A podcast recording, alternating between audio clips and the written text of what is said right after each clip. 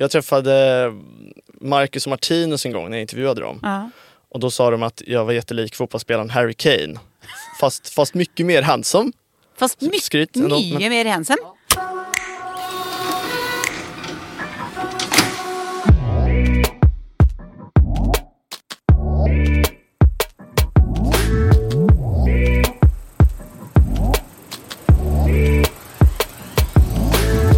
Skarpa sanningar, elakt skvaller och dräpande skämt. Men nog om oss. Det här är ju karaktärsdragen som både var den sociala klättraren Truman Capotes uppgång och hans fall. Och som nu skildras i HBOs Feud, Capote vs. The Swans. Ja, för den amerikanska författaren hängde ut alla sina väninnors djupaste hemligheter och straffades därefter. Men är verkligen skvallerbytta det allra värsta man kan vara? Eller är det snarare bland det mänskligaste vi har? Jag heter Andreas Hörmark. Och jag heter Tove Nordström och det här är TV-kollen från Svenska Dagbladet. Ja, men välkomna då till ännu ett avsnitt av Eder favoritpodd TV-kollen. Läget är Andy. Det är bra. Jag ska börja med att fråga dig, för jag, jag är helt inkonsekvent i hur jag uttalar Capote. Ibland säger jag Truman Capote, ibland säger jag Truman Capote. Ja. Vad säger du? Jag sa Capote tills jag såg serien där de sa Capote i. ja, det gör den. Så nu Vad bra. får vi hålla oss till det. Det blir Capote. Det blir Capote.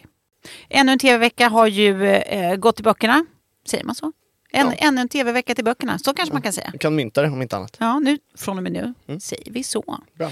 Eh, i, och den har ju faktiskt inte varit eh, händelselös. De är ju sällan det, även om livet eh, känns händelselöst så här i feb.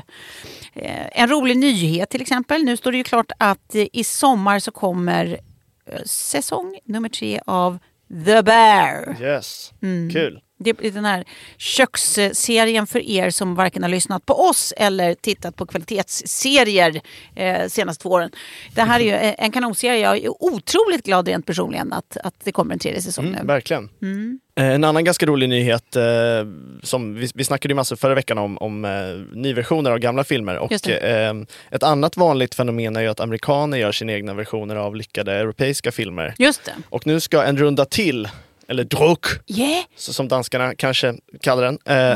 eh, Med Mads Mikkelsen. Exakt, den ska få den här behandlingen nu. Och, eh, ja, för er som inte har sett den så handlar ju filmen om eh, ett gäng danska lärare eh, som eh, bestämmer sig för att hela dagarna vara precis lagom fulla för att göra livet lite enklare. Och den här amerikanska versionen ska produceras av Leonardo DiCaprio.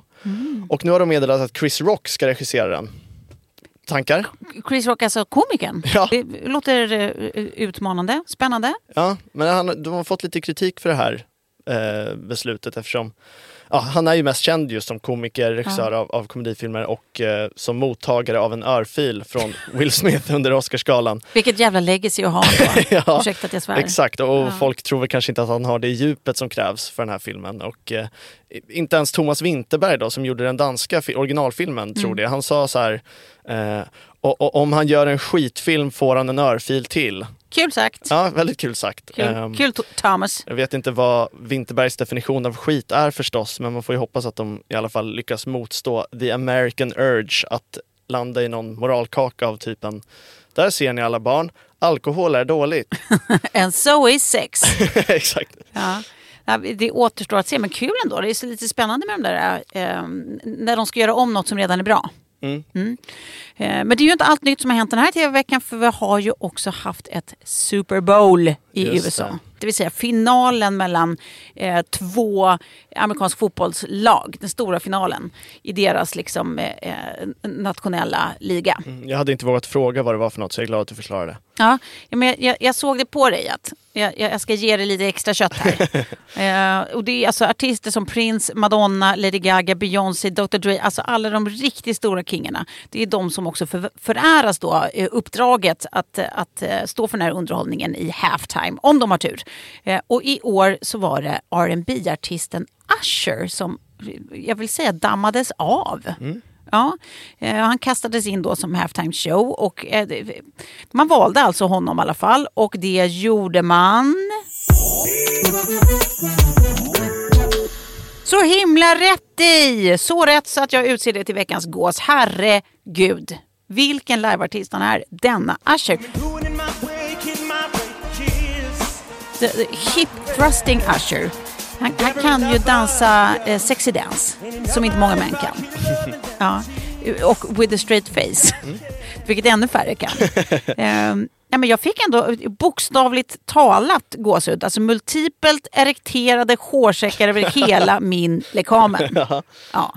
Um, om inte hans Spotify-siffror går i taket nu för hans musikkartotek då, då ska jag äta upp Göran Greiders tåludd.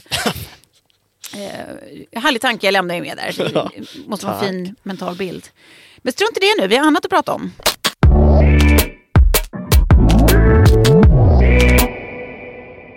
Ja, för vi ska djupdyka rätt ner i intriger och konflikter. För vi har ju kikat på den efterlängtade andra säsongen av HBO Max antologiserie Feud.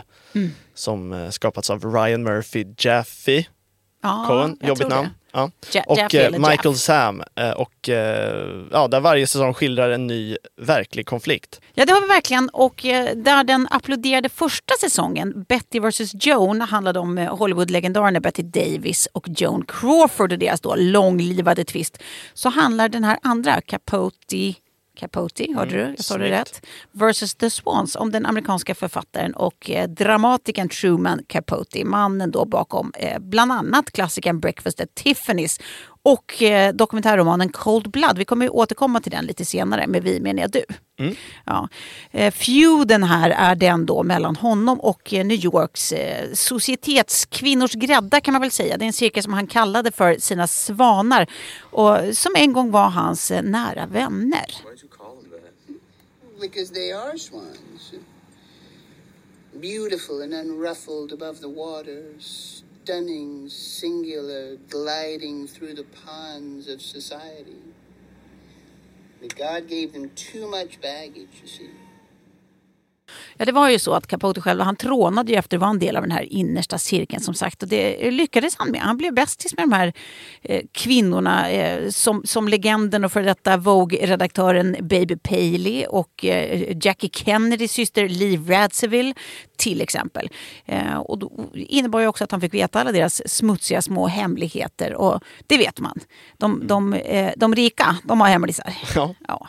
Smutsfinnes. Mm, Byk, bykfinnes. Men inte så bra på att bevara dem kanske? Nej, han kunde ju inte hålla sig. Det var ju det som var grejen. Utan han skrev sen om dem i då en ökänd artikel i Esquire 1975 som blev en, en novell sen. Eh, och det var då eh, Skiten träffar fläkten på ren svenska. Eh, kvinnorna här som drabbades, det vill säga hans eh, för detta vänner, de frös ju ut honom fullständigt från alla de här sammanhangen som han så himla gärna eh, ville vara en del av. Eh, och det är liksom vad, vad som händer, vad som, var vi är under den här säsongens gång. Mm. Ehm, den här säsongen då så har man eh, tagit in stilsäkra Gus Van Sant att eh, regissera. Och så har man haft då ett riktigt castingkalas. Verkligen. Eller hur? Ja. Det måste man ju säga. Det är en massa kända kvinnor som spelas av en massa kända kvinnor. Som till exempel Naomi Watts, Diane Lane, Demi Moore, Chloe Sevigny. Sevigny? Sevigny? Mm. Vi hade svårt med namn idag, så ja. utmanande för våra tungor. Calista eh, Flockhart och Molly Ringwald, alltså mm. Blast mm. from the past. Ja. Eller hur? Inte dumt. Det är jättekul att se dem här igen. Och så den absolut utsökta Tom Hollander. Obs! Ej att förväxla med Tom Holland även om precis det faktiskt gjordes under någon slags bonusutbetalning för Avengers läste jag. Eh, när Tom Hollander fick då Tom Hollands eh, sjusiffriga bonusbelopp. Det tror jag han eh, var jätteglad för. Ja, eh, upptäcktes dock, eh, var ju sorgligt. Eh, ja, nej, så att Tom Hollander och ingen annan är det som, som eh, porträtterar nu Truman Capote. Och då kanske du undrar, hur har den här mottagits än så länge? Då? Alla avsnitt är ju inte släppta än i Sverige. Eh, jo, men konsekvent väldigt gott. Den är ju, precis som jag sa, både otroligt snygg eh, i, i glamorösa Manhattan-miljöer under 60 och 70-talet, men den är också otroligt välspelad. Eh, men det är inte allt. Den är också lite tankeväckande på en massa sätt. Den får en att fundera på olika grejer, eller hur Andy? Mm, Ryan Reynolds here from Mint Mobile. With the price of just about everything going up during inflation, we thought we'd bring our prices down. So to help us, we brought in a reverse auctioneer, which is apparently a thing. Mint Mobile unlimited premium wireless. Ready to get 30, 30, bit to get 30, bit to get 20, 20, 20, bit to get 20, 20, bit to get 15, 15, 15, 15 just 15 bucks a month. So, Give it a try at mintmobile.com slash switch. $45 upfront for three months plus taxes and fees. Promo rate for new customers for limited time. Unlimited more than 40 gigabytes per month. Slows. Full terms at mintmobile.com. Verkligen.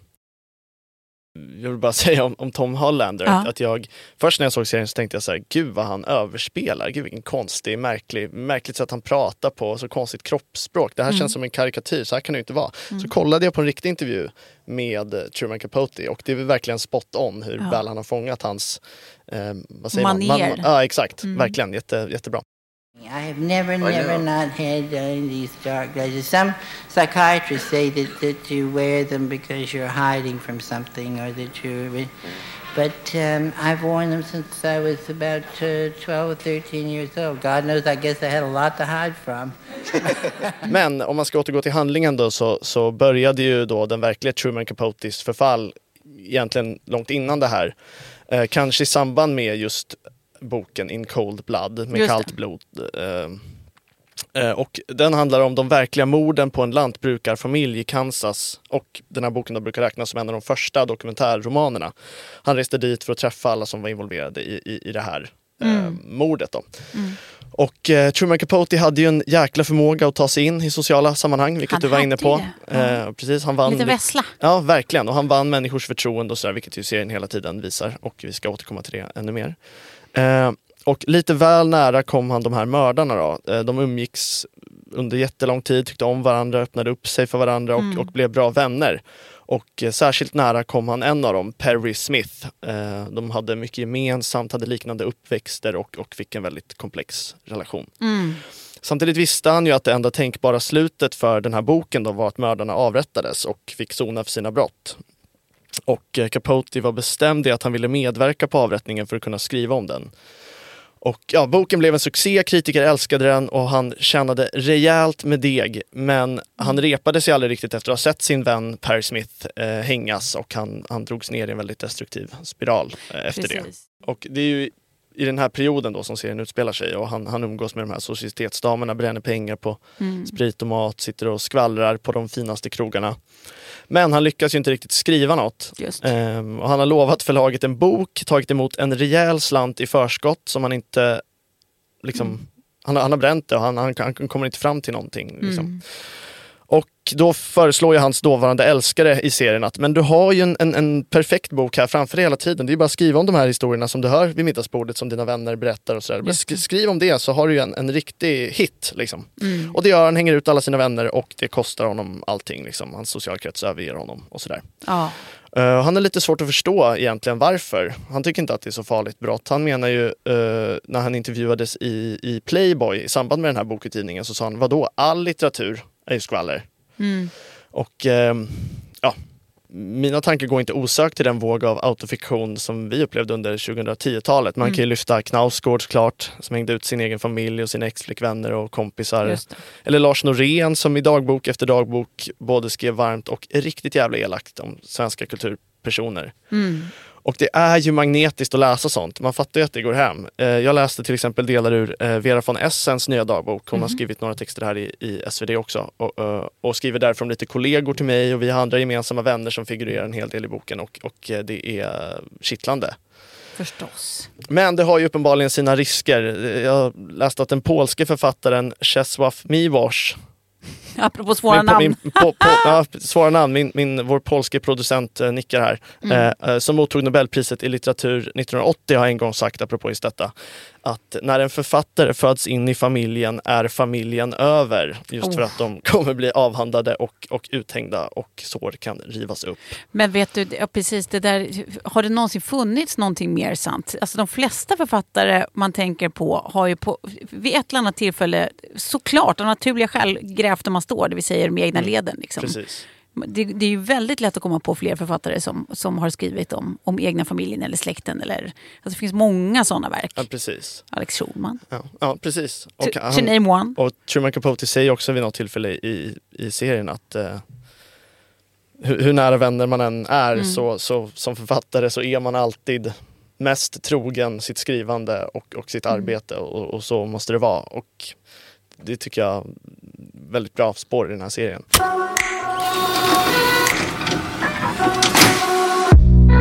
Men så, det finns ju något annat också som jag tycker att gör det här ämnet med, med feuds eller fejder så som den som uppstår då i den här serien så intressant. Det, det är någonstans futtigheten i det här med med feuds. Alltså, eh, sammantaget så, så, kan man väl definiera det här eh, med fejder som ett förlängt och bittert gräl och ofta mellan två parter som liksom ger igen. Alltså det är en enda långt, eh, en enda, en enda stor tillbakakaka liksom.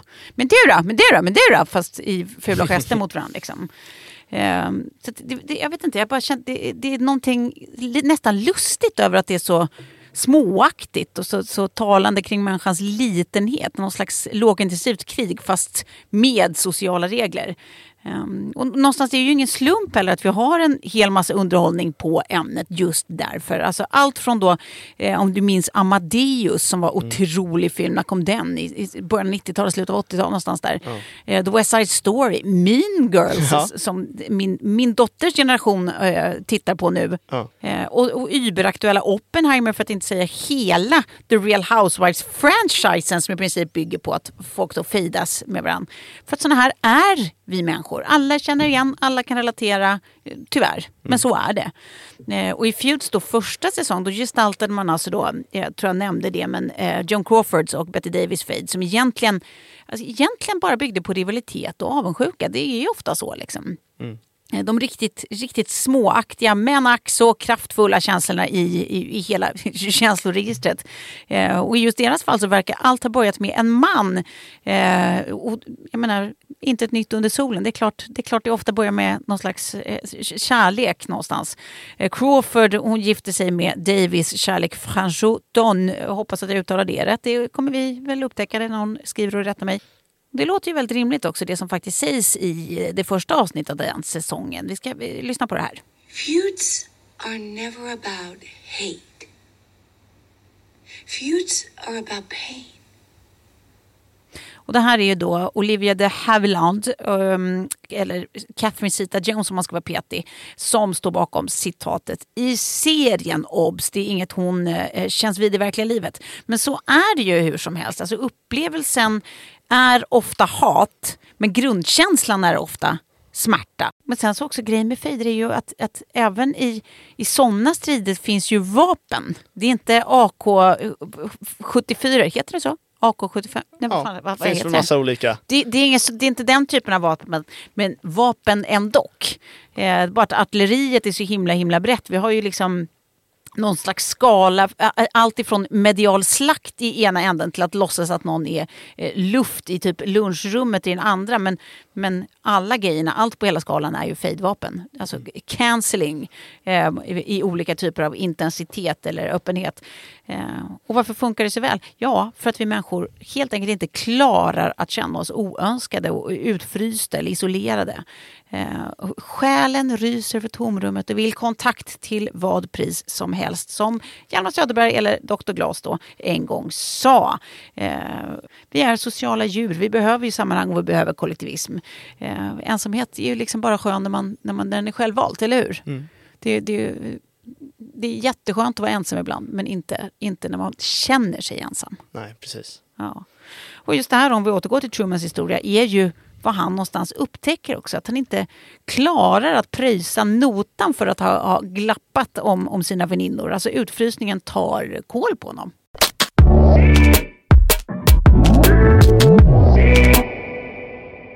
Ja, men eh, Truman Capote, författaren, eh, är ju som sagt en rejäl social klättrare och mm. det, det, är ju alla i den här säsongen av Feud i, i någon mån. Och är det så att ens relationer bygger på att man bara vill utnyttja varandra för att öka i status kan man ju tänka sig att de är precis lika lätta att rasera. Ja, relationerna ja. ja. Mm. Och eh, deras vänskaper bygger ju helt och hållet på skvaller, på kasta sina bekanta under bussen för en god historias skull. Ja, precis på skvaller eller på att upprätthålla image. Alla är lika måna om det Ja, precis. Och, och exakt. Och Truman Capote mm. var ju känd till exempel för att just tänja på gränserna. Eh, mm. Han påstod att han kände Greta Garbo Eh, han påstod att han hade legat med skådespelaren Errol Flynn och eh, min research tydde på att ja, det, det, det finns liksom inget bevis för att något av det är sant. Nej. Men det gjorde ju honom omtyckt och, och Intressant, Han, han, intressant. Ja. Och det märks ju också i serien att de vill hela tiden, han blir inbjuden överallt för alla vet att om man har honom där då får man roligt skvaller från stan, man får de här sjuka berättelserna om, om allt han företar sig. Ja, och det är den här vassa, vassa tungan som är lite oberäknelig och underhållande. Liksom. Exakt. Mm. Och, och eh, jag personligen tog till mig lite av det här.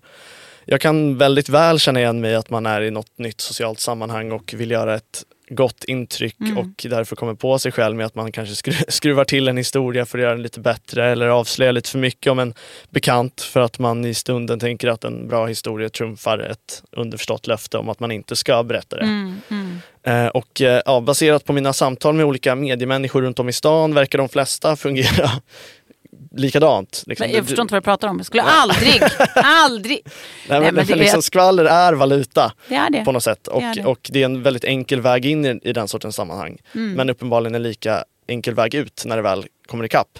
Mm. Eh, men om det är fler som känner igen sig så, så är en tröst i alla fall att Yuval Noah Harari som skrivit böckerna Sapiens och Homo Deus som var omåttligt populära för några år sedan i alla fall, att, att eh, det var människans förmåga att skvallra som gjorde oss till mer än apor. Eh, inte bara behövde vi förstås veta var det fanns farliga djur i naturen utan vi behövde också ha koll på sin egen grupp. Vem ligger med vem? Vem hatar någon annan? Vem kan man lita på? Vilka är lögnarna i den här gruppen? Och, och vilka sådär. Och, och, och genom att hela tiden hålla på och rapportera om sådana saker så, så hade man ju koll på sin grupp och man behövde inte vara man, man, man, man, man litade på varandra bättre helt enkelt. Så det här är egentligen så som någon slags primalinstinkt även för oss människor. Det är inget vi ska skämmas över. Det är vår sanna natur. Ja, man, kanske ska skämmas för ändå, men, men ändå veta att det är mänskligt. Mm. Ehm, är du en skvallerbytta? Va, nej, vem sa det? Eh, skoja. Ja, men det kan ju nog vara eh, när det handlar om, eh, om saker som känns eh, som att det, det, måste, det krävs en viss distans till, till, till den privata sfären. Eh, men är det ett förtroende från, från en vän, då är jag absolut ingen skvallerbytta. Det sätter jag högt värde i att inte vara. Liksom. Eh, Men är det liksom någonting som är lite ofarligt och eh, långt ifrån mig om någon jag inte känner, gud, tycker det är jättemysigt, kul. Mm. Ja, men så är väl jag också. Ja. Sen finns det ju också en liten spaning att spana in här. Alltså för, för 80 gången på väldigt kort tid. När jag säger här kanske jag ska förtydliga så menar jag vad gäller den här serien då. Eh, ja, men för, för det här är ju liksom eh, eh verkligen en upprepning av eh, någonting vi har sett väldigt många gånger på kort tid. Eh, någonting vi exponeras för eh, väldigt många gånger på kort tid. Och det är ju dramer runt menssex. ja, just Ja. det. Ja. Det har ju hänt så många gånger nu på senaste och det händer återigen i Feud. Eh, och den, den här gången handlar det om någon slags hämndmens. Ja. Eh, jag älskar om, om mitt, mitt hela arv, mitt hela legacy om, om jag får vara kvinnan som myntade hämndmens. Eh, men det är då en, en älskarinna i den här serien som har sex med en gift man alltså eh, i hans äktenskapliga säng. Hon, hon ber honom innan dess att liksom släcka ner och hon släcker ner i rummet så att det ska vara lite mörkt. Och sen så visar det sig när de drar för gardinen efteråt att eh, ja, hon hade ju mens. Eh, och det har hon alltså gjort då för att han inte ska hinna städa undan alla de här blodiga bevisen på hans otrohet innan hans fru kommer hem. Så det är liksom, haha, försök att fixa det här nu din gris. Typ. Men, men som sagt, det finns ju fler exempel. ja, jag tänker på Saltburn, en av vinterns stora filmsnacksar, Mm. eh, får man väl ändå säga. Den blev ett rejält TikTok-fenomen i alla fall. Mycket för att amerikaner tyckte att just en sexscen var så sjuk. Eh, och i scenen då går Oliver, spelad av Barry Keegan, Mm. eh, entusiastiskt ner på en tjej mitt under eh, lingonveckan. Gud vad, gud Får man säga så? Jag Jag, inte. tycker det är så Det roligt att du kallar det lingonvecka. Kul! Och det blir förstås lite kladdigt överallt. Men, Ja. men så säger han så här, Lucky for you, I am a vampire. Och det har blivit liksom ett, ett citat som flyger. Men jag tänkte på en annan grej faktiskt. Jag såg Poor Things, eh, då, Jorgos Lantimos nya film. Och när jag efteråt då sedvanligt klickade mig in i filmappen Letterboxd för att se vad, vad folk tyckte om den så såg jag att många kritiserade filmen för att den inte visade något mensblod. Eh, de, de, de menar att en film som handlar om en kvinna som visserligen har fått då en, sin hjärna utbytt med en bebishjärna och som utforskar just Hon utforskar sin kropp och sin sexualitet och därför borde filmen ha skildrat även mensen mer. Eh, och- Damned if you do, damned if you don't. Ja, exakt. Och de menar just att det, det, det är en manlig fantasi med den här kvinnliga sexmaskinen med outvecklad bebishjärna som inte ens har mens. Och Det är väl en, en fair kritik möjligen, men det är definitivt den första gången jag har hört någon säga så. Den här filmen borde verkligen innehålla mer mensblod. Verkligen, det är spännande, sp- spännande take på, på eh, Ja. kritik. Eh, ja, men även Netflix då, de hade ju en, en film som heter Fair Play. Eh, som låg förvånande länge på deras topplista i höstas. Eh, den innehöll ju också menssex. Men då var det lite mer så här, så här mycket älskar jag dig menssex. Jag älskar dig så mycket så att det spelar ingen roll att du har mens. Jag kommer ändå ligga med dig. Vilket också känns som ett väldigt amerikanskt perspektiv. Vackert. Eh, det- Visst är det vackert? Romantiskt. Ja. Eh, Och slutsatsen av allt det här, eh, den man skulle kunna dra, det är att det är trendigt med menssex-tv nu. Det är också en mening man aldrig trodde man skulle säga. Nej. Ja. Härligt ändå. Ja, härligt.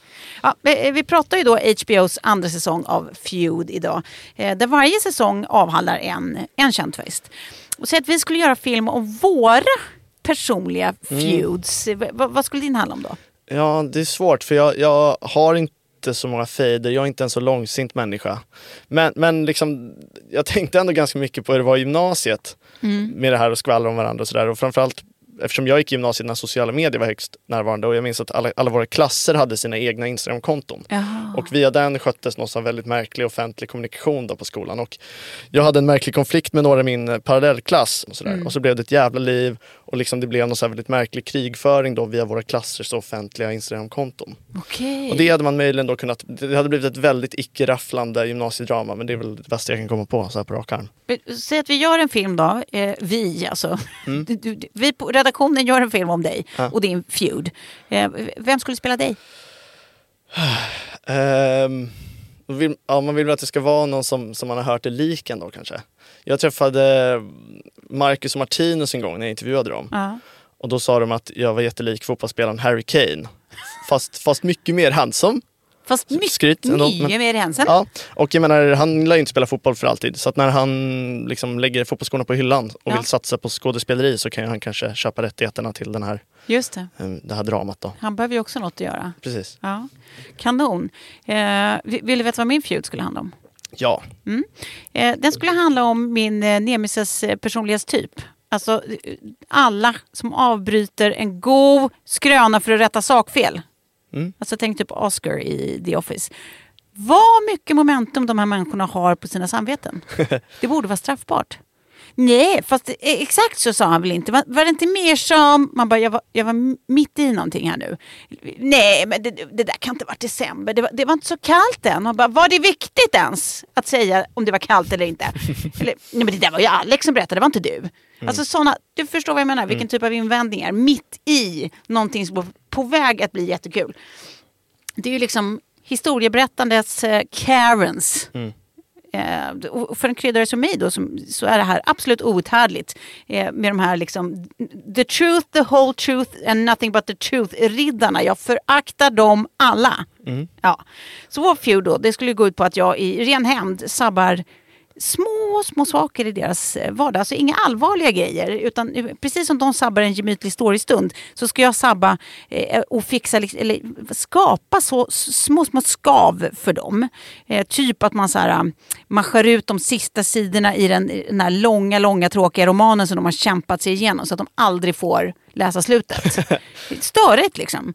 Ehm, eller att man gömmer osthyveln, liksom, om, om de är ostälskare då, preferably. Eller att man gör så här, eh, Eh, klipper små hål i en strumpa ur varje strumppar. Alltså bara små, små irriterande grejer skulle, skulle den här eh, eh filmen då eh, visa när jag gör för att hämnas. Eh, men den skulle också sluta lyckligt för att eh, de, de samlas då, alla de här momentumtjuvarnas eh, Illuminati, som ju finns.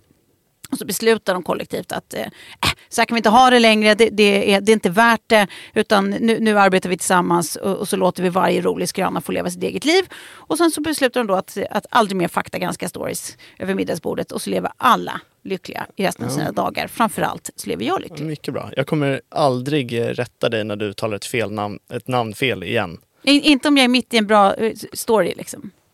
Nej. Nej, Det, tackar blev ju lite av en Truman Capote-karaktär här nu, apropå Ja. krydda och sådär. Att det, Ja, liksom är, det. det. det har man rätt till att göra. Mm. Ja, men det kan En, verkligen en bra tycka. historia trumfar sanningen.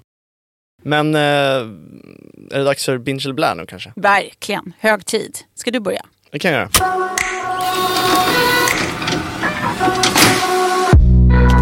Eh, Ja, men jag vill lyfta SVTs kulturprogram Söndag med som jag tycker har varit lite av en doldis. Eh, Jag gillar upplägget där man varje avsnitt följer en kulturpersonlighet under en hel söndag. Eh, Personer som Jelassi, Jonas Hassan Khemiri, Messiah Hallberg med fler.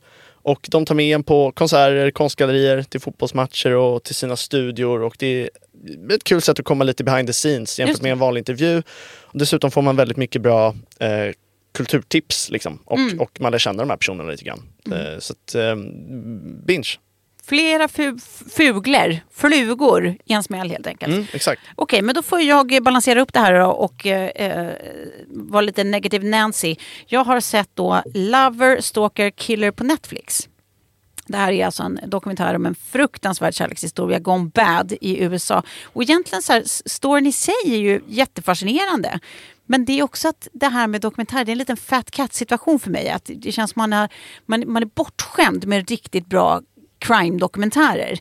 Ehm, så, så att ribban är ju liksom väldigt hög. Eh, och det här berättandet i just den här dokumentären är för avslöjande så att jag kanske redan minut 13 förstår eh, vartåt det barkar hän. Liksom. Och då, då har jag alldeles för många, alltså sju- 77 minuter kvar att, att sitta av och bara få bekräftat att jag, jag hade rätt. Ja, det är humble brag som jag ser på dig att Ja, du vill säga nu. ja, jo. Eh, men, men, Du är för men- smart för Netflix helt enkelt. det är precis det jag vill säga. Jag är för smart. Det här avsnittet, wow alltså. Jag bygger, det, det är inte som att jag, jag bygger för att jag ska eh, slippa vara singel resten av livet. Utan tvärtom, jag cementerar det faktum att här, här är en som kommer bli ensam. Mm.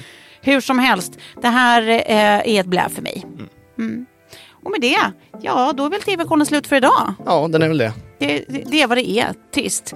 Eh, men vill du oss något eh, medan du väntar på att det ska bli nästa vecka, ja, men då är det bara att mejla oss precis som vanligt på tvkollen at svd.se. Yes, och eh, blev du nyfiken på någon av alla titlar vi nämnt i det här avsnittet så hittar du en lista eh, över dem och vad du kan streama dem i avsnittsbeskrivningen till det här avsnittet i din poddspelare. Och eh, fler tips och eh, recensioner och, och sånt finns som alltid på svd.se kultur och i nyhetsbrevet Bäst på TV. Det här avsnittet producerades av Joanna Goretzka och ansvarig utgivare är Lisa Irenius.